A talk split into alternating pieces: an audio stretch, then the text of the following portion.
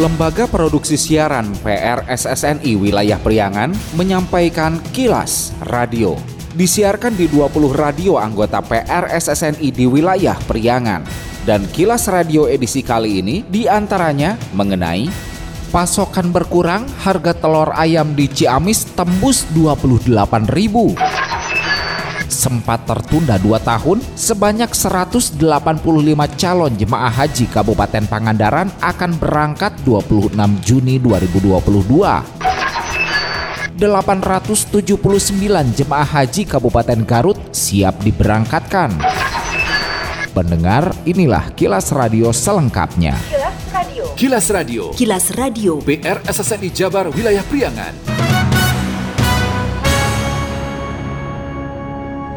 Sepekan terakhir, harga telur ayam di pasar-pasar tradisional Kabupaten Ciamis bertengger hingga Rp28.000 per kilogramnya. Idar, warga Cikoneng yang ditemui di pasar Selasa Cikoneng mengaku kaget harga telur ayam melambung hingga Rp28-29.000 per kilo. Ia berharap harga-harga kebutuhan pokok kembali normal.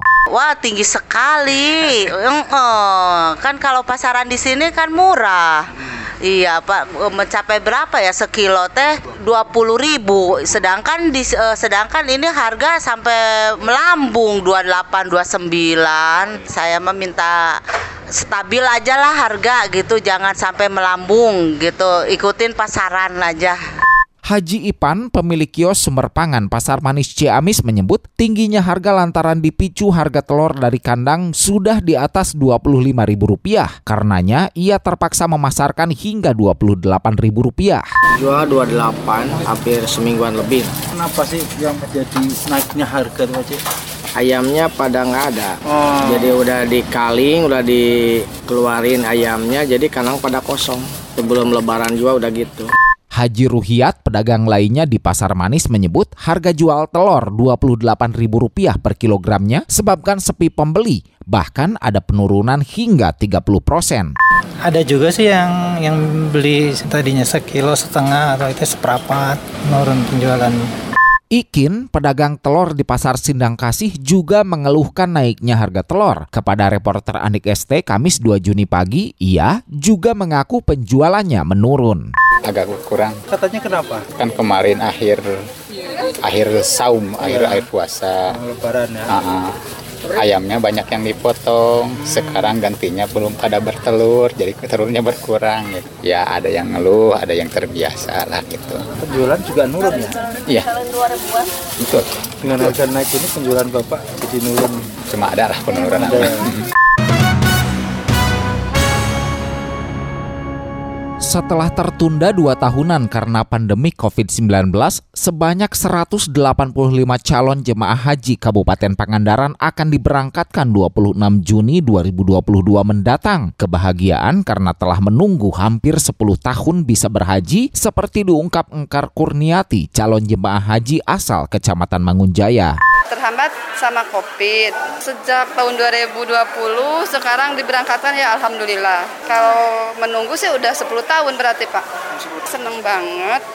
Kegembiraan yang sama juga disampaikan Adi Sumarna, calon jemaah haji asal Kecamatan Sidamulih. Menurutnya, meski mendadak, telah dikoordinasikan dengan kelompok bimbingan ibadah haji KBIH seperti agenda manasik haji serta pembekalan teori dan praktek. Ya Alhamdulillah kami merasa senang bersyukur kepada Allah bisa berangkat. Persiapan apa Pak yang sudah dilakukan? Persiapan kami memang sangat mendesak sekali tetapi kami berupaya untuk selalu mencoba berkomunikasi dengan setiap KBIH juga dengan teman-teman. Ya Alhamdulillah saling mengisi kekurangan-kekurangan dan lain sebagainya termasuk persiapan kesehatan juga. Staf penyelenggara haji dan umroh Kementerian Agama Kabupaten Pangandaran Yoyo Sutrisno usai memberikan pembekalan kesehatan di Gedung Islamic Center Pangandaran Rabu 1 Juni 2022 mengatakan jumlah calon haji di Pangandaran kuota awal sejumlah 182 dengan cadangan 36 calon jemaah. Namun ada yang menunda pemberangkatan 13 orang, yang 12 ingin berangkat dengan mahrom dan satu orang tidak bisa melunasi administrasi sehingga keberangkatannya ditunda pada tahun depan. Yoyo menjelaskan, dari 182 calon jemaah haji di Kabupaten Pangandaran itu, ada yang mutasi keluar dua orang, mutasi masuk lima orang, dari Ciamis dua orang, satu Kuningan, dan dua Tangerang, dengan total 185 orang. Masih menurut Yoyo, sampai saat ini, persiapan kelengkapan dokumen di antaranya vaksinasi dosis 1 dan 2, untuk vaksinasi 3 hanya himbauan. Persiapan sampai saat ini itu masih verifikasi di kelengkapan dokumen di antaranya yaitu vaksinasi COVID 1-2, himbauan yang vaksinasi ketiga untuk vaksinasi meningitis kita sudah mencapai 97 persen. Ada beberapa orang yang terkendala, namun mudah-mudahan dengan jangka waktu yang masih sedikit ini mudah-mudahan terselesaikan oleh Dinas Kesehatan Kabupaten Pangandaran. Bupati Rudi Gunawan melepas jemaah haji asal Garut secara simbolis bersamaan dengan penyelenggaraan manasik haji di Gedung Graha Patriot, Jalan Cipanas Baru, Tarogong Kaler, Selasa 31 Mei. Rudi menyatakan pihaknya sudah mempersiapkan pelaksanaan pemberangkatan jemaah haji di Kabupaten Garut sebanyak dua kloter. Menurutnya, pemberangkatan dua kloter dilaksanakan di GOR itu sebanyak 30-40 bis dengan cadangan dibiayai Pemkab. Rudi menambahkan Pemkab telah menetapkan menetapkan Amirul Haj yaitu Dandim 0611 Garut, Letkol CZI Deni Iskandar. Pemerintah daerah telah menetapkan sesuai dengan ketentuan Amirul Hajnya adalah Bapak Dandim 0611 Garut. Mohon beri Pak Dandim. Pak Dandim ini adalah pimpinan daerah yang akan menyertai tidak boleh pulang lebih awal. Tetap harus 40 hari di sana. Tadinya mau dengan Ibu Ketua DPRD, tapi Ibu Ketua DPRD terkena aturan usianya lebih daripada 65 tahun ya. Yang 65 tahun hari ini bukannya tidak boleh berhaji, tapi Allah belum mentakdirkan karena pandemi belum 100% selesai.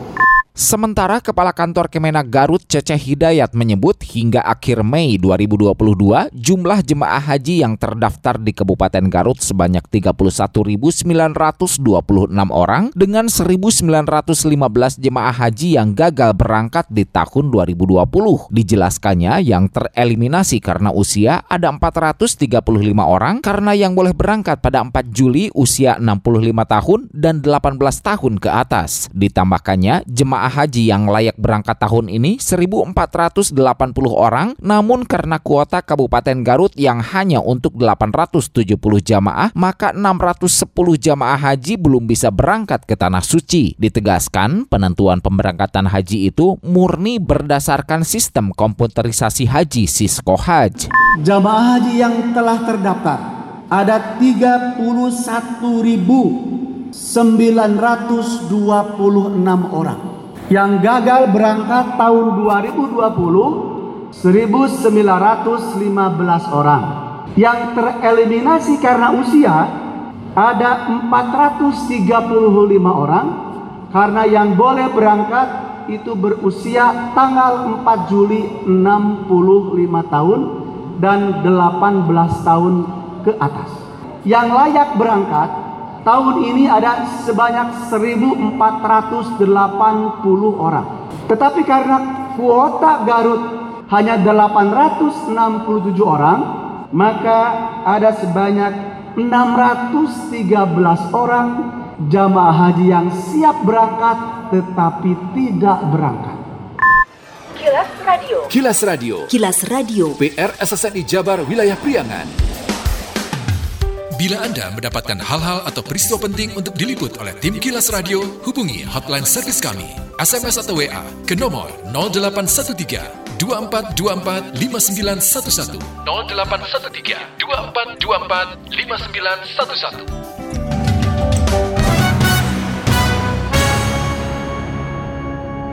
Peringatan Hari Tanpa Tembakau Sedunia HTTS yang jatuh pada 31 Mei setiap tahunnya diperingati dengan memungut puntung rokok di area bermain terbuka Kota Tasikmalaya Selasa 31 Mei 2022. HTTS kali pertama ditetapkan oleh WHO pada 1987 untuk menarik perhatian global pada endemik tembakau dan kematian serta penyakit yang ditimbulkan dari tembakau. Peringatan tahun ini bertemakan Tobacco Threat to Our Environment atau tembakau ancaman terhadap lingkungan kita. Pemerintah Kota Tasikmalaya melalui Dinas Kesehatan Satpol PP, Dinas Lingkungan Hidup di Spora memperingati HTTS tahun ini dengan melaksanakan pungut puntung rokok dan sosialisasi peraturan daerah Perda nomor 11 tahun 2018 tentang kawasan tanpa rokok KTR. Kegiatan yang melibatkan kalangan masyarakat, kelompok anak muda, mahasiswa, SBH, Kader Posyandu, serta No Community NOTC. Neng Salo Faiza Rahma, mahasiswa Unsil mengatakan merasa bangga dapat kesempatan ikut kegiatan memungut puntung dalam HTTS. Pasalnya selain dampak merokok dapat menimbulkan masalah kesehatan, juga berdampak buruk terhadap lingkungan. Jadi harapannya semoga bisa menjadi contoh buat masyarakat di sini kan bisa dilihat ya banyak generasi-generasi muda seperti saya yang memungut-mungut rokok gitu. Semoga mereka juga sadar gitu bahwa pentingnya menjaga kebersihan terutama puntung rokok gitu. Bambang Priyono, Ketua No Tobacco Community NOTC Jawa Barat menjelaskan Pemkot Tasikmalaya dengan Perda KTR kawasan tanpa rokok dapat lebih tegas dalam menerapkan Perda seperti sanksi atau tindakan tegas. Di Kota Tasik peraturan daerahnya itu sudah ada dan sudah cukup bagus. Sosialisasinya juga saya lihat dan saya dengar dari Dinas Kesehatan sudah lumayan luar biasa. Namun yang kurang mungkin tinggal di penegakannya aja.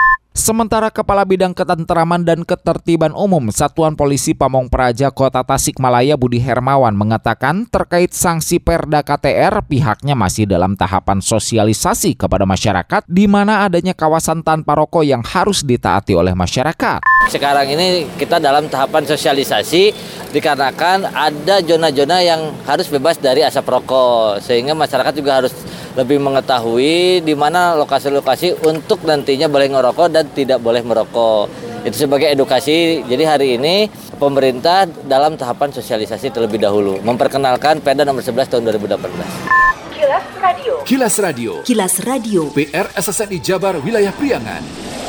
Sekian Kilas Radio. Saya Dido Nurdani beserta tim Kilas Radio Priangan. Salam PRSSNI. Kilas. Kilas. Radio.